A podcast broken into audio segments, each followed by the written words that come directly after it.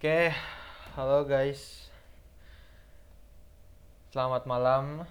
Ya di sini selamat malam ya dan selamat datang kembali di podcast Atlus. Eh, salah lupa gue ya. Sin podcast that say ya di mana kita membahas segala sesuatu tentang Atlus. Ya kita udah tahu lah ya. Hari ini gue rekam hari ini tanggal 21 dan gue hari ini seneng banget. Gila, gue kaget, bukan kaget sih sebenarnya gue ya bisa bilang gue kaget. Soalnya beberapa hari lalu itu teaser tiba-tiba ada. Teaser Soul Hackers 2 tiba-tiba ada. Gue kaget. Gue gue kaget nggak karuan. Buset. Ini apa game baru kayaknya di bos gitu.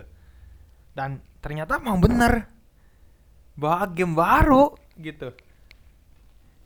Barusan live stream keluar Soul Hackers 2 buset gue kaget men. Nggak percaya gue asli.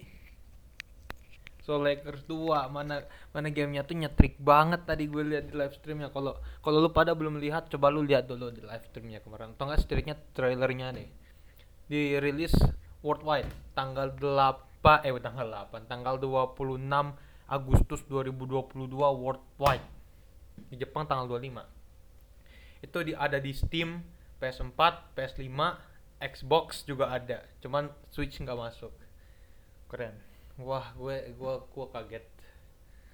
Ini nggak bisa dipengaruhkan entah kenapa Atlus. Wah keren. Gila keren. Kayaknya Atlus rela ngelupain Persona 25 anniversary ya cuman buat ini doang Soul Hackers doang gitu. Sengaja dilupain bu buat Soul Hackers gitu. Aduh. Emang ini game buset gila. Gue berharap yang bagus banget hebat banget apalagi ini rilisnya tahun ini bulan Agustus nanti. Gue kaget. Gue terpukau men. Sama itu aja gue terpukau banget sumpah. Gila gue terpukau. Tahun ini masalahnya dia announce di tahun yang sama dengan tahun yang rilis. Dan Alus nggak pernah bilang gitu. Gue kaget banget. Wow. Really crazy man. Itu gila banget tuh dan buat gamenya sendiri gue gue berharap tentu yang bagus ya. Apalagi apalagi emang gamenya tuh sebenarnya anime ish banget. Ini kayak game RPG anime banget gitu loh. Kelihatan dari art style-nya tuh gue art style-nya RPG banget deh buset. Kaget gue. RPG banget beda be, kontras banget sama yang pertama. Kalau lu main yang pertama lu pasti lihat itu gamenya bener-bener immense. Bener-bener cyberpunky sci-fi banget tapi dia nggak se-sci-fi yang SH2 ini. Pokoknya dia mau modern. Pada zamannya lah bisa do bisa gue bilang. Selaras dengan zamannya. Pas itu kan 1996 pas rilis Windows 95 kan. Selaras. Dan ini bener-bener beda banget. Kontras banget. Waduh nggak nggak secolorful secolorful banget gitu kan. Kalau dulu kan nggak colorful emang kayaknya masih hitam dan putih gitu kan. Apalagi Windows 95 dulu kan memang nggak se nggak senyetrik sekarang. Dan sekarang nyetrik banget. Warnanya colorful banget. Lu lihat trailernya colorful eh colorful abis man. Dan untuk staff tadi gue lihat trailernya itu ada Eiji Ishida sama Mitsuru Hirata yang gue yang sekali lagi gue punya high hope sih sama mereka berdua. Apalagi Eiji Sida kan memang direkturnya bagus-bagus. Yang udah pernah ikut juga jadi direktur di Strange Journey yang mungkin gue berharap tinggi juga sama dia. Dan juga Mitsuru Hirata yang punya experience juga lama di Atlus. Jadi ya gue mau berharap gamenya bagus.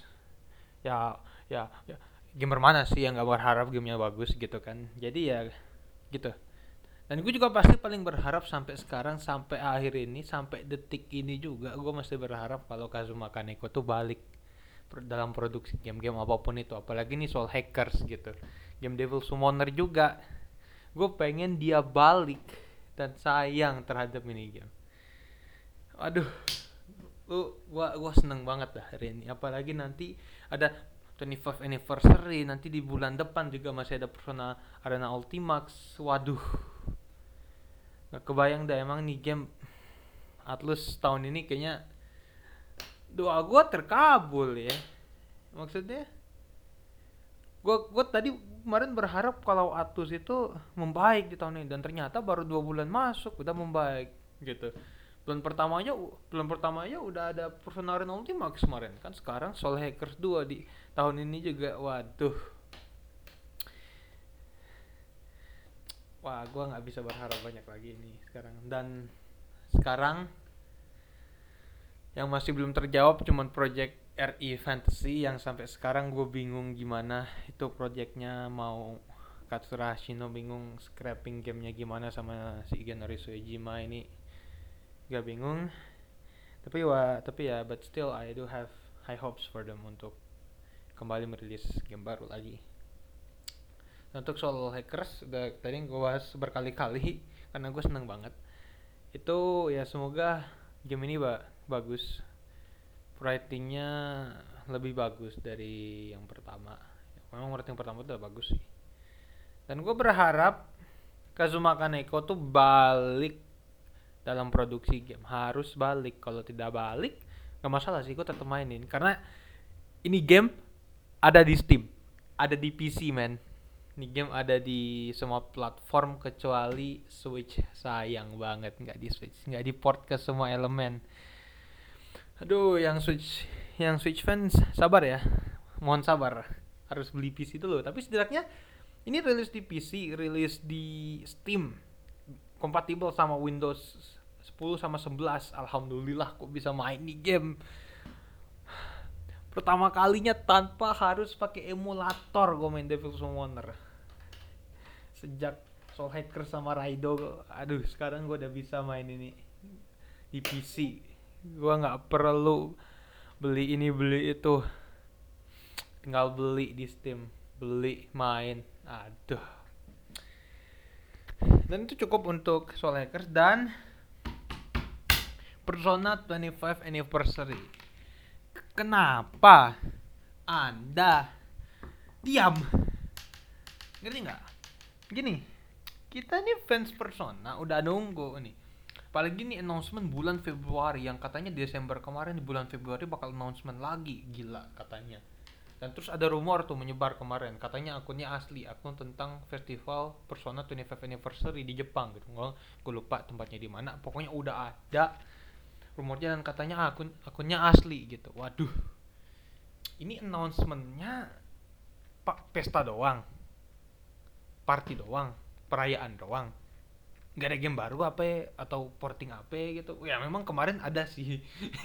Ada sih kemarin porting Persona Arena Ultimax. Nah sekarang gue pengen mainline.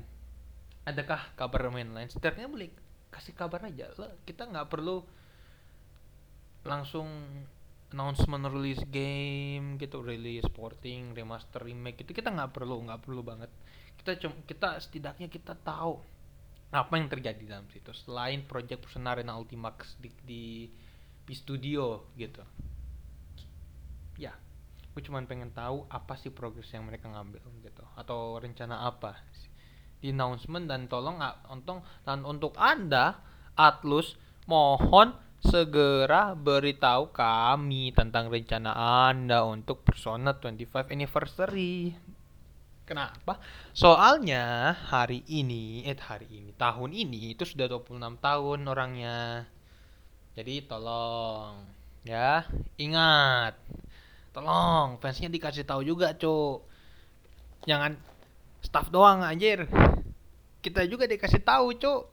Ya Allah, kita ini butuh makan banyak tahun ini. Jadi ya gitu. Jadi tahun ini buat fans-fans Megami Tensei kayaknya makan banyak ya.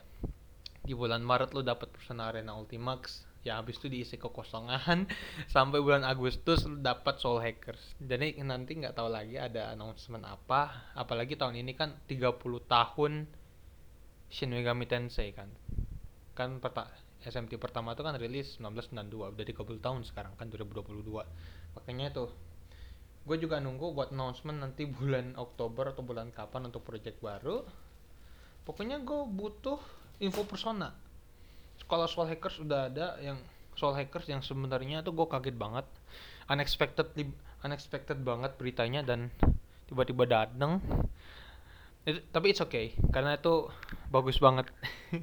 More than good more than great untuk nontonnya dan sekarang cuman announcement persona ini aja. Kapan sih persona ini? Apa sih yang terjadi di situ?